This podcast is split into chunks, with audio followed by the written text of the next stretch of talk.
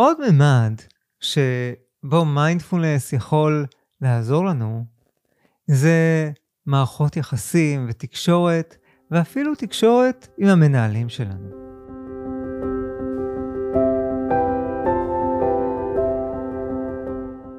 היי, אני ניר קראוזה, ואתם איתי בפודקאסט כל המיינדפולנס, שבו אנחנו מפרקים את הסטרס לחתיכות, וממלאים את המרחב בשלווה, שיח מדעי ואורחים מרתקים. הישארו, יהיה מרגיע. שלום. היום אני הולך לספר לכם על חמש סיטואציות יומיומיות שהשתפרו פלאים עם מיינדפולנס. אני הולך לדבר איך מיינדפולנס יכול לעזור ברגע של חרדה, איך הוא יכול לעזור באכילה, איך הוא יכול לעזור לנו לאכול יותר בריא ופחות באופן קומפולסיבי ורגשי. איך התקשורת עם הבוס שלנו יכולה להשתפר, איך תקשורת עם ילדים יכולה להשתפר, וגם איך אנחנו יכולים להיות יותר מורכזים ואיך הריכוז הזה יכול להשפיע עלינו באתגרים שלנו בעבודה, בעבודה היומיומית שלנו. אז בואו נתחיל עם חרדה. איילה לומדת אצלי עכשיו בקורס מיינדפולנס, וממש לפני שבועיים היא סיפרה לנו. Uh, לפני שבועיים טסנו לחו"ל, וכשנכנסנו למטוס היה חם ומחניק. מסתבר שהמיזוג מקולקל ולא עובד. אני, חושב ש... אני חושבת שלכולם זה לא היה נעים, אבל לי במיוחד כי יש לי נטייה לחרדה מטיסות. והדיילים, הדיילים לא ידעו להגיד אם המערכת מיזוג שהתקלקלה רק עכשיו כשאנחנו על הקרקע לא תעבוד, או גם שהחום הזה הולך להמשיך לאורך כל הטיסה. החרדה שלי התחילה להתעורר, הראש התחיל לרוץ במלא מחשבות. איך אני אשרוד את הטיסה הזאתי? וואי, זה הולך להיות סיוט. חששתי שתכף הולך להתחיל לו התקף חרדה. ואז נזכרתי במיינדפולנס. עצרתי. כמו שלימדת, התחלתי לשים לב לתחושות הגופניות, לחום, לזיעה. זה לא היה נעים. אבל גיליתי שכשאני מתמקדת בתחושות הגופניות האלה, אני יכולה להכיל אותן. אני סובלת הרבה הרבה פחות, והחרדה נעלמת. התקף החרדה הזה שהיה יכול להתחיל מתוך החוויה הלא נעימה הזאתי, נעצר בזכות זה שהיא השתמשה בכלים שהיא למדה בקורס המיינדפולנס. וכמו הסיפור הזה, שמעתי עוד הרבה סיפורים. תראו, אחד האתגרים בחרדה, שנוצר מעגל הורס, מעגל הרסני, מעגל שבו חוויה לא נעימה, מעוררת חשש ממה יהיה, ואז אנחנו מעצימים את הדאגה, מעצימים את החרדה, ואנחנו מהר מאוד נכנסים לתוך התקף של חרדה, או התקף של דאגות, חששות על מה שיהיה. אבל גם לפעמים ממש התקף חרדה מלא, עם הלב שפועם, עם מלא זיעה, עם, עם חוסר יכולת לתפקד. ואם אנחנו מצליחים לתפוס את הדאגות האלה כשהן קטנות, לתפוס את ההתעוררות של זה כשזה קטן, ובמקום להיבהל, להביא את אותה איכות של מיינדפולנס, של קבלה, של סקרנות. אני אולי אזכיר לכם עכשיו מה זה מיינדפולנס, כן? לשים לב מתוך כוונה בהווה וללא שיפוטיות. אז כשאנחנו מצליחים להחזיר את היכולת הזאת להתבונן במה שמתרחש, בקבלה, בסקרנות, בלי להילחם בזה, בלי להתנגד לזה. ואפשר להיעזר בנשימה, אפשר להיעזר בנשימה כדי להפעיל את מערכת הרגיעה הטבעית של הגוף, אפשר להיעזר בנשימה כדי להרגיע את החרדה, כדי לכוון את הקשב למשהו ניטרלי. והשילוב הזה של קבלה וסקרנות אל החוויה, יחד עם שימוש בנשימה, עזר כבר לעשרות, אולי אפילו מאות תלמידים שלי, להפחית ולעצור התקפי חרדה עוד כשהם קטנים. ואני התחלתי עם החרדה כי אני יודע שזה משהו שהרבה מאוד אנשים חווים על אותו. זה כמובן לא משהו שאנחנו מספרים לכל העולם, אבל זה כלי מאוד מאוד חשוב מיינדפולנס ביכולת שלנו להפחית את החרדה שלנו. הסיטואציה היומיומית השנייה שאני רוצה לדבר איתכם עליה, זה אכילה. תחשבו רגע איך אנחנו אוכלים בדרך כלל. לפעמים אנחנו אפילו אוכלים מול הטלוויזיה, לפעמים אנחנו אוכלים, אנחנו בשיחה עם עוד אנשים. כשאנחנו אוכלים, אנחנו הרבה פעמים בטייס אוטומטי. היד הולכת למזלג באופן אוטומטי, מכניסים את האוכל, לועסים, ואנחנו עסוקים בדברים אחרים. אם אנחנו לבד, אז אנחנו מוצאים את עצמנו חושבים על כל הדברים שמטרידים אותנו בטח. אם אנחנו עם עוד מישהו, אז אולי אנחנו נהיה בשיחה. לפעמים אנשים אוכלים מול הטלוויזיה והם עסוקים בטלוויזיה או בעיתון. האכילה עצמה בכלל לא מקבלת תשומת לב. התחושה של האכילה. אחד התרגולים שאנחנו מלמדים במיינדפולנס זה אכילה מודעת. לאכול ולשים לב. זה מתחיל ברגע להסתכל על האוכל שלי, לראות את הצלחת שלי. אה, עוד לפני שאני אוכל, רגע להסתכל, ליהנות מהצבעים, ליהנות מהמראה של האוכל, אפילו אולי להריח אותו. כשאני עוצר רגע לפני אכילה, דרך אגב, אחד הדברים שקורה, שהמוח שלי מקבל סיגנל, רגע, אני הולך לאכול, ואז כבר מופרש רוק, כבר הבטן מתחילה להפריש את המרכיבים שדרושים לעיכול, והעיכול שלנו נהיה יותר טוב, יותר בריא. ואחר כך להתחיל לאכול ולשים לב. לשים לב לתחושת הליסה, לשים לב לחום, לקור, לשים לב לטעמים של האוכל. כמה פעמים אנחנו אוכלים, בכלל לא שמים לב לטעמים. לשים לב לבטן שלי. עד כמה אני שבע. האם אני כבר שבעתי, או שאני עדיין רעב?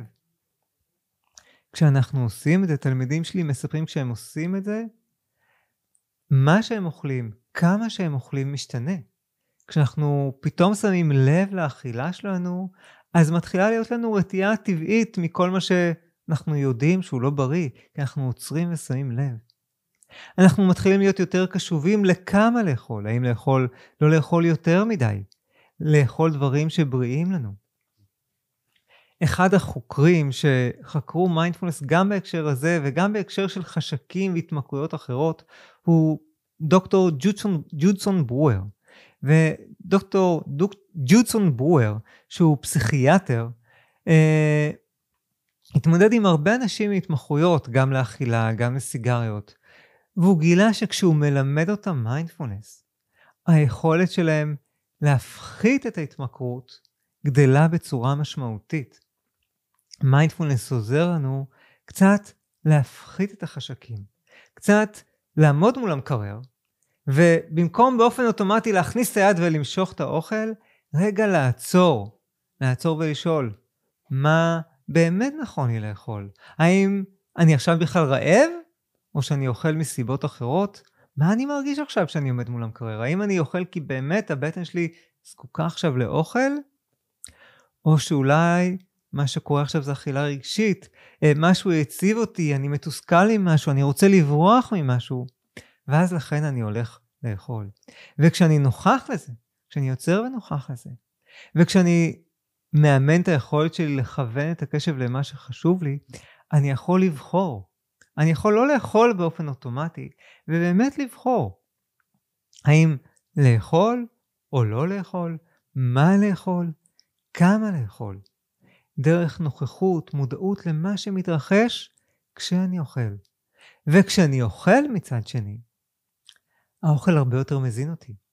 אני הרבה יותר נהנה ממנו, ולא צריך הרבה. אני יכול לאכול קצת וליהנות הרבה יותר מהאוכל שלי.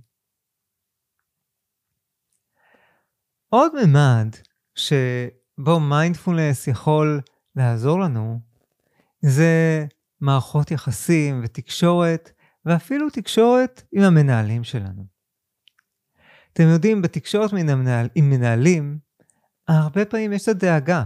יש רצון אולי לרצות, יש דאגה שלא יאהבו את מה שאני אומר. קשה לנו שם לפעמים להיות בהירים, מודעים, לפעמים קשה לנו להיות אמיצים. מיינדפולנס, בכך שהוא עוזר לנו להיות יותר מודעים לעצמנו, לשים לב למחשבות, לרגשות, לכוונות שלנו, להיות מודעים לכוונות שלנו, הוא מטפח גם אומץ. אנחנו נהיים יותר אמיצים ויותר מחוברים למה שחשוב לנו. אנחנו נהיים יותר בהירים במסרים, שאנחנו יכולים רגע לעצור, ולפני שאני מדבר להבהיר לעצמי מה הכוונה שלי, מה חשוב לי. אחת הפעמים שזה עזר לי, היה לפני הרבה שנים. עבדתי אז אה, בסטארט-אפ בתפקיד בכיר של מהנדס אלגוריתמים. אה, הייתי תפקיד מאוד מרכזי בחברה הזאת. אבל באותה תקופה אה, כבר גיליתי שהתשוקה שלי היא במקום אחר. ולמרות שאני בתפקיד נפלא, מעניין, עם שכר מאוד טוב, התשוקה שלי עכשיו היא לעזור לאנשים בתהליכי מודעות. אה, לעזור לאנשים דרך תהליכי אימון אישי והנחיה ודרך מיינדפולנס. וכדי שאני אוכל לעשות את זה וכדי שאני אוכל ללמוד, הייתי צריך קצת לפנות מהזמן שלי. והייתה לי פגישה עם הבוס שלי, שרציתי לבקש ממנו לא העלאה בשכר, אלא דווקא ירידה באחוזי המשרה, ולרדת ל-40% משרה רק יומיים בשבוע להגיע למשרד. עכשיו, תחשבו על ההייטק שאנשים עובדים יומם וליל, לא כל כך מקובל שאנשים עובדים רק יומיים בשבוע. ובאופן טבעי, היו קצת חששות, מה הוא יגיד, הוא יסכים, הוא לא יסכים. היה לי נור מאוד מאוד חשוב. כן, לרדת ליומיים בשבוע, כן, אה, להתחיל ללמוד לימודי הנחיית קבוצות שרציתי ללמוד, את כל הדברים שרציתי ללמוד, שיהיה לי יותר זמן, יותר שקט. אבל בזכות התרגול של מודעות, בזכות התרגול של המיינדפולנס, יכולתי לראות, לראות את הדאגות האלה, לראות את החשש הזה שנמצא לפני הפגישה, אבל גם להתחבר. להתחבר למה שחשוב לי, להתחבר לזה שחשוב לי לעזור לאנשים דרך הנחיית קבוצות, דרך תהליכי מודעות שאני אעביר אותם, שזה יותר חשוב לי מלרצות אותו. שאני אוכל להתמודד עם מה שיגיע בפגישה הזאת. ופניתי אליו. דרש ממני קצת אומץ, אבל שוב, ארגנתי את עצמי. המיינדפולנס, אני אגיד עוד משהו שהוא מאוד עוזר לנו, זה לווסת את עצמנו. לווסת את עצמנו, לווסת את העוררות, להגיע יותר רגועים וממוקדים. ונכנסתי אליו רגוע, ממוקד. האמת שהופתעתי, הופתעתי כמה בקלות יכולתי לעשות את השינוי הזה וכמה בקלות הוא הסכים לי לרדת ל-40% משרה. במשך כמה שנים עבדתי ככה, יומיים בשבוע אה, בהייטק, אה, עושה שם את העבודה שלי, ושלושה ימים לומד, מנחה, מאמן, עושה דברים אחרים לגמרי. אז מיינדפולנס בהקשר הזה יכול לעזור לנו להיות אמיצים, מחוברים לערכים שלנו, לעשות את מה שאנחנו יודעים שנכון. אחד המחקרים אה, על מיינדפולנס שנעשה בבית ספר למינהל עסקים, בדק את ההשפעה של מיינדפולנס על אחריות תאגידית. ובעצם הם לקחו שלושה קבוצות של סטודנטים. קבוצה אחת עברה קורס במיינדפולנס. קבוצה שנייה עברה קורס באחריות תאגידית. וקבוצה שלישית לא עברה אף אחד מהקורסים האלה. אחרי כמה חודשים תשאלו את הסטודנטים על כל מיני אירועים שהיו להם בעבודה שקשורים באחריות תאגידית. האם למשל כש... אה, כמו שהיה לאחרונה בסנפרוסט, שמוצר יצא תקול והיה צריך למשוך חזרה מוצרים, היה צריך להודיע על זה. האם החברה והפעולות שלהם הובילו לזה שניסו לטשטש את זה, להחליק את זה, או שהחברה נהגה באחריות והסכימה לשלם את המחיר ולקחת חזרה את המוצרים כדי למנוע פגיעה באנשים. ומה שהם ראו במחקר הזה, כשממש אה, שאלו את האנשים על מקרים ספציפיים שקשורים לנושא הזה של אחריות תאגידית, של התנהגות מוסרית אה, במקום העבודה של התאגידים, של הארגונים, ראו שאנשים שלמדו מיינדפולנס היו הרבה יותר אחראים. הם לקחו אותה באומץ רב, את ההחלטות הנכונות, האחראיות, החלטות שלא כל כך פשוט לנו לקחת, אוקיי? וזה היה די מפתיע, כי מסתבר שאנשים שלמדו מיינדפולנס עשו את זה הרבה יותר מאנשים שלמדו אחריות תאגידית. אומרת, למדו על כמה זה חשוב, על מה זה אחריות ומה זה לא אחריות, למדו אולי משפטים שהיו בהקשר הזה, על הסכנות שיכולות להיות. כלומר, מיינדפולנס מביא אותנו להיות יותר מחוברים למה שישר, למה שנכון, לפתח אמפתיה לאחרים, רצון אמיתי להיטיב, ומהמקום הזה לפעול בדרך שהיא באמת מיטיבה, גם אם זה דורש מאיתנו לקחת איזה סיכון, או אפילו לוותר על משהו. עוד סיטואציה מאוד מאוד נפוצה היא בתקשורת עם ילדים. תראו, יש לי שני ילדים, יש לי את נדב, אה, אוטוטו חוגג בר מצווה, תכף בן 13, אה, את לב, בן 6. אני מאוד אוהב אותם, אני גם מבלה די הרבה זמן עם הילדים שלי. ואין ספק שלהיות עם ילדים יכול לאתגר אותנו.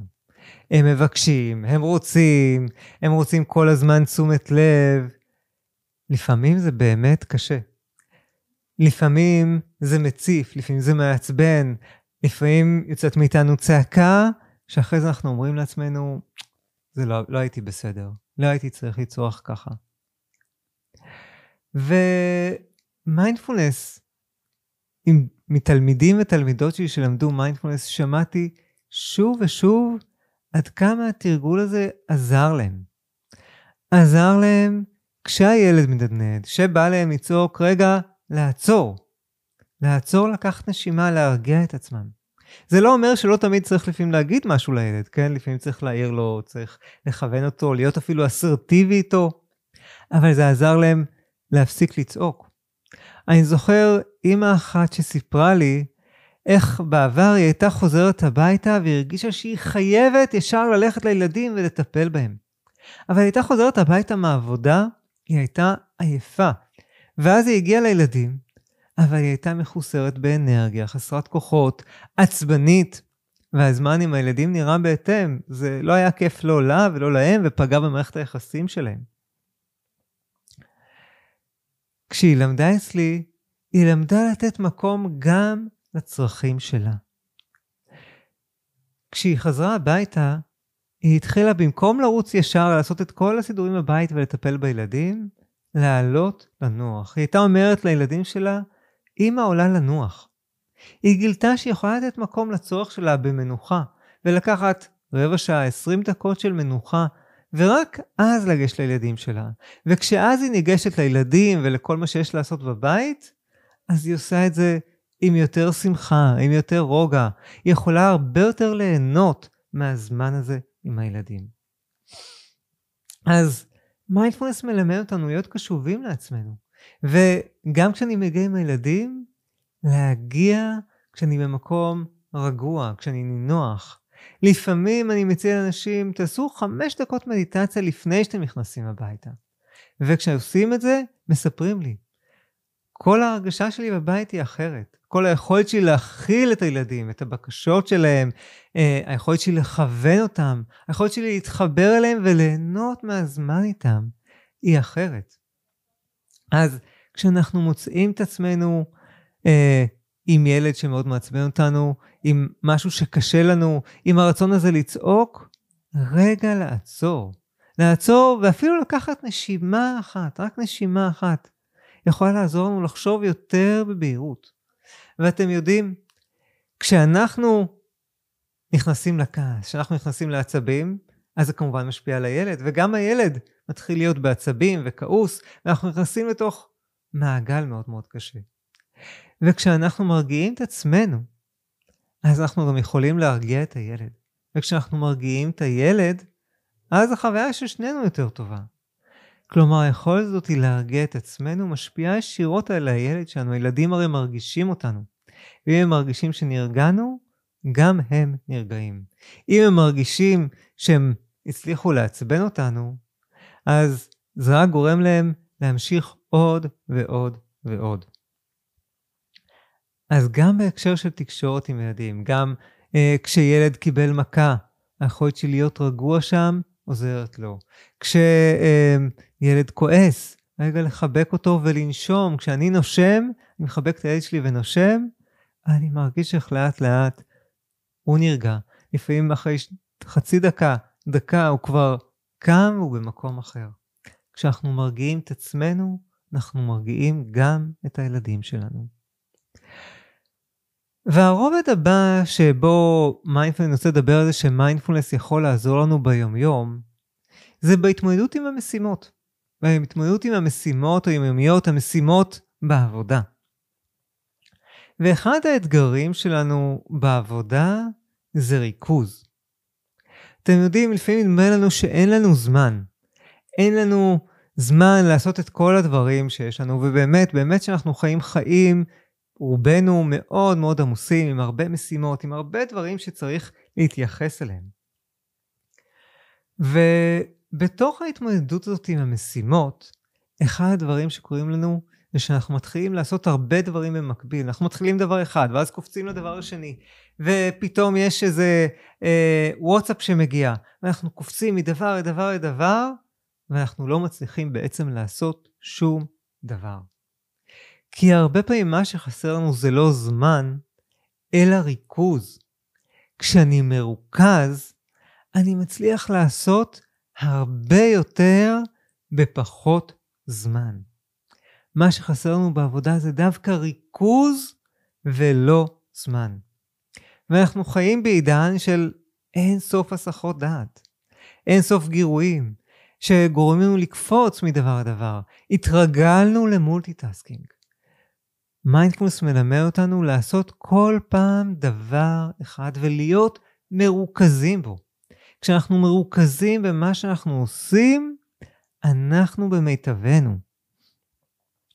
ולפעמים נדמה שריכוז זה משהו שאו שיש לך, או שאין לך. אבל היום אנחנו יודעים, מתוך הרבה מאוד מחקרים שנעשו על זה, שריכוז זה ממש כמו שריר. ריכוז מאפשר לנו, אה, ריכוז זה משהו שאפשר לאמן. ותרגול של מדיטציה הוא אחד מהתרגולים הכי טובים לריכוז, מדיטציית מיינדפלנס, שאני מתמקד אפילו בנשימה שלי. שוב ושוב חוזר אל הנשימה. אל הכאן ועכשיו של הנשימה. מיליון מחשבות קופצות. אני מתמקד בנשימה ומיליון מחשבות קופצות. זה טבעי ונורמלי, אבל אני חוזר לנשימה. אני מתאמן בלהיות עם דבר אחד, נוכח עם דבר אחד. ואחרי זה, גם כשאני אהיה בעבודה, ואני ארצה להתמקד בלקרוא משהו, בלכתוב משהו, בלתכנת משהו. אני אוכל, יהיה לי יותר קל לוותר על כל הגירויים שמושכים, לוותר על הוואטסאפ, לוותר על המייל, על האינסוף הודעות במייל. אני אוכל לבחור כל פעם לעשות דבר אחד. יש זמן שאני מקדיש לענות לוואטסאפים, יש זמן שבו אני קורא מיילים, יש זמן שבו אני מתכנת, או כותב, או יוצר, או עונה, או נמצא בשיחה. כל פעם אני מתאמן בלעשות דבר אחד, אבל גם אני מתאמן בלוותר, בלהרפות אל אין סוף הסחות הדעת שקופצות שוב ושוב. האימון הזה בריכוז, במיקוד בדבר אחד הוא כל כך חשוב, זה נהיה כל כך נדיר שאנחנו מצליחים להתמקד. ואתם יודעים, רק כשאנחנו באמת מרוכזים במה שאנחנו עושים, אז אנחנו גם נהנים הרבה יותר ממה שאנחנו עושים, וגם מפיקים תוצר שהוא הרבה יותר טוב. כשהראש שלנו מפוזר, כשאנחנו קופצים מדבר לדבר, אנחנו בעצם מצליחים לעשות דברים, אבל תכלס באיכות די נמוכה.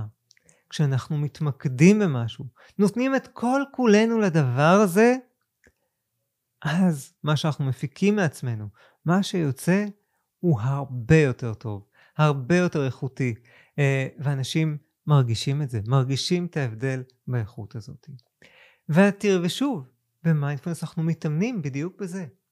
ואינסוף מחקרים הראו שוב ושוב איך מיינדפלנס משפר את הריכוז.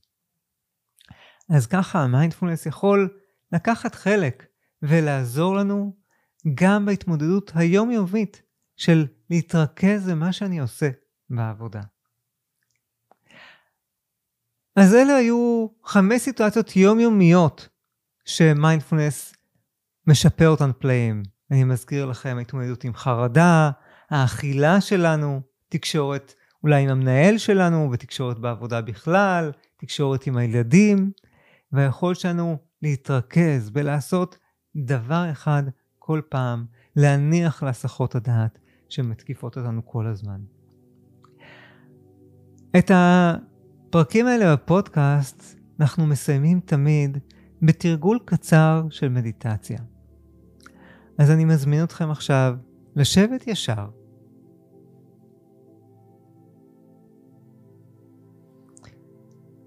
אפשר לעצום עיניים, ואפשר גם להישאר בעיניים פתוחות.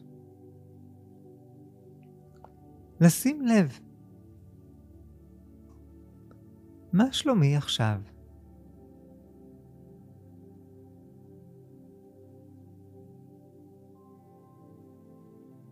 לשים לב למחשבות שלי.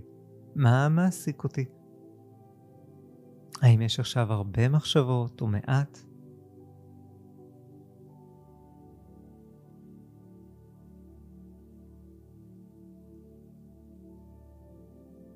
לשים לב לגוף שלי, לתנוחה שלי, האם היא ישרה או מחופפת, האם יש אזור בגוף שהוא מכווץ, האם יש אזור רפוי,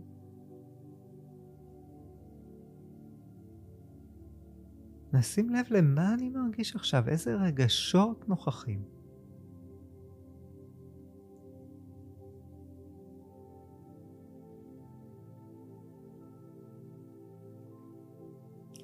ועכשיו לפנות אל הנשימה. אנחנו נושמים נשימות עמוקות ואיטיות ומתמקדים בנשימה, בבטן שעולה ויורדת, בתחושה של הבטן שעולה ויורדת. בשאיפה הבטן עולה, בנשיפה הבטן יורדת. שאיפה בטן עולה. נשיפה בטן יורדת. שאיפה.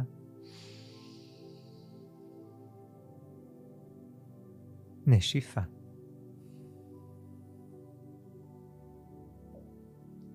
שאיפה.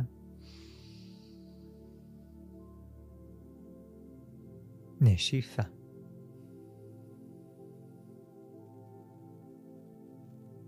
שאיפה. נשיפה. עכשיו אנחנו מרפים מהמאמץ לנשום עמוק. מכוונים את תשומת הלב אל הנשימה.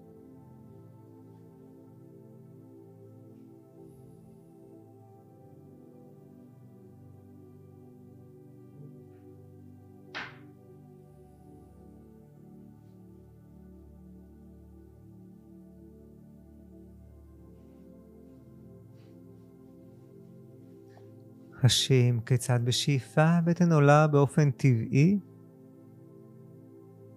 ובנשיפה היא יורדת באופן טבעי.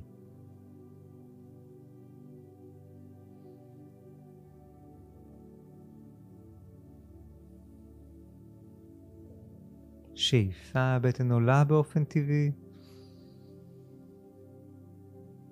נשיפה היא יורדת באופן טבעי.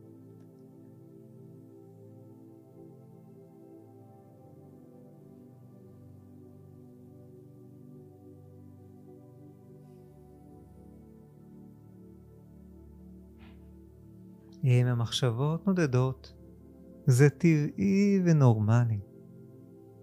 זו נטייה שלנו להסחת דעת. אנחנו מודעים וברכות ונחישות חוזרים אל תחושת הנשימה. שאיפה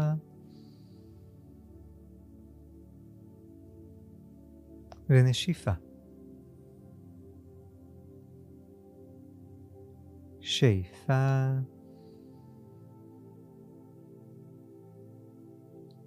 ונשיפה.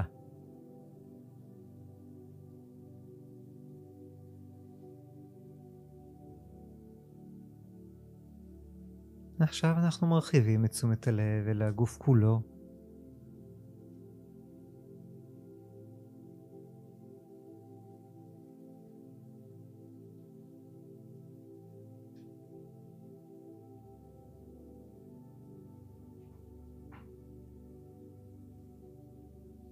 חשים את הגוף כולו. מאזינים לצלילים שיש בסביבה שלנו.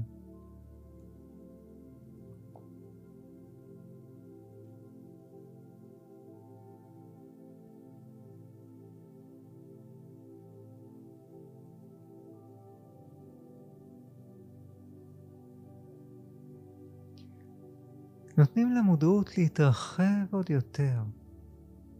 מודעות פתוחה ורחבה כמו השמיים. מחשבות, רגשות, תחושות, צלילים באים והולכים. אנחנו לא מתנגדים אליהם, לא מגרשים אותם, ומצד שני גם לא מחזיקים אותם, לא ממשיכים להזין אותם בעוד מחשבות, בתגובה. רק מתבוננים במה שמתרחש מרגע לרגע.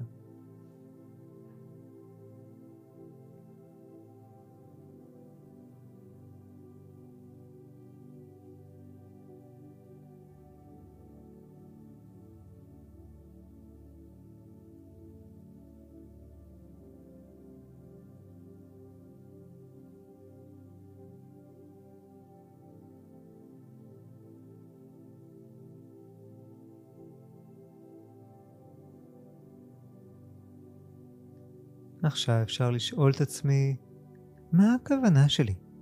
מה חשוב לי עכשיו?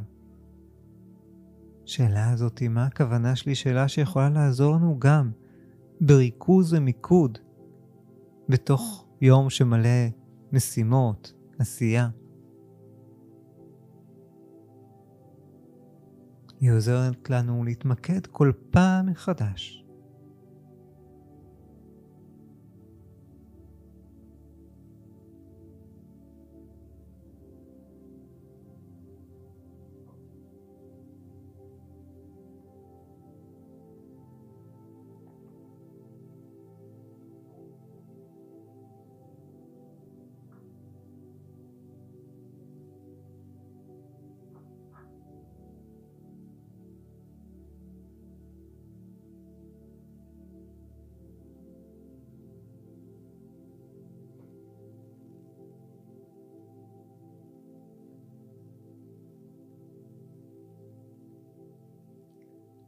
עכשיו אפשר להזיז אצבעות, לפתוח עיניים, להתמתח ולשים לב לתחושה בגוף של ההתמתחות.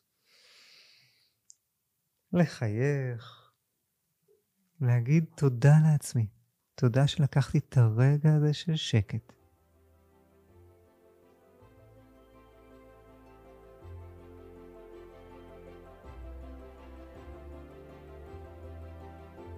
סיימנו.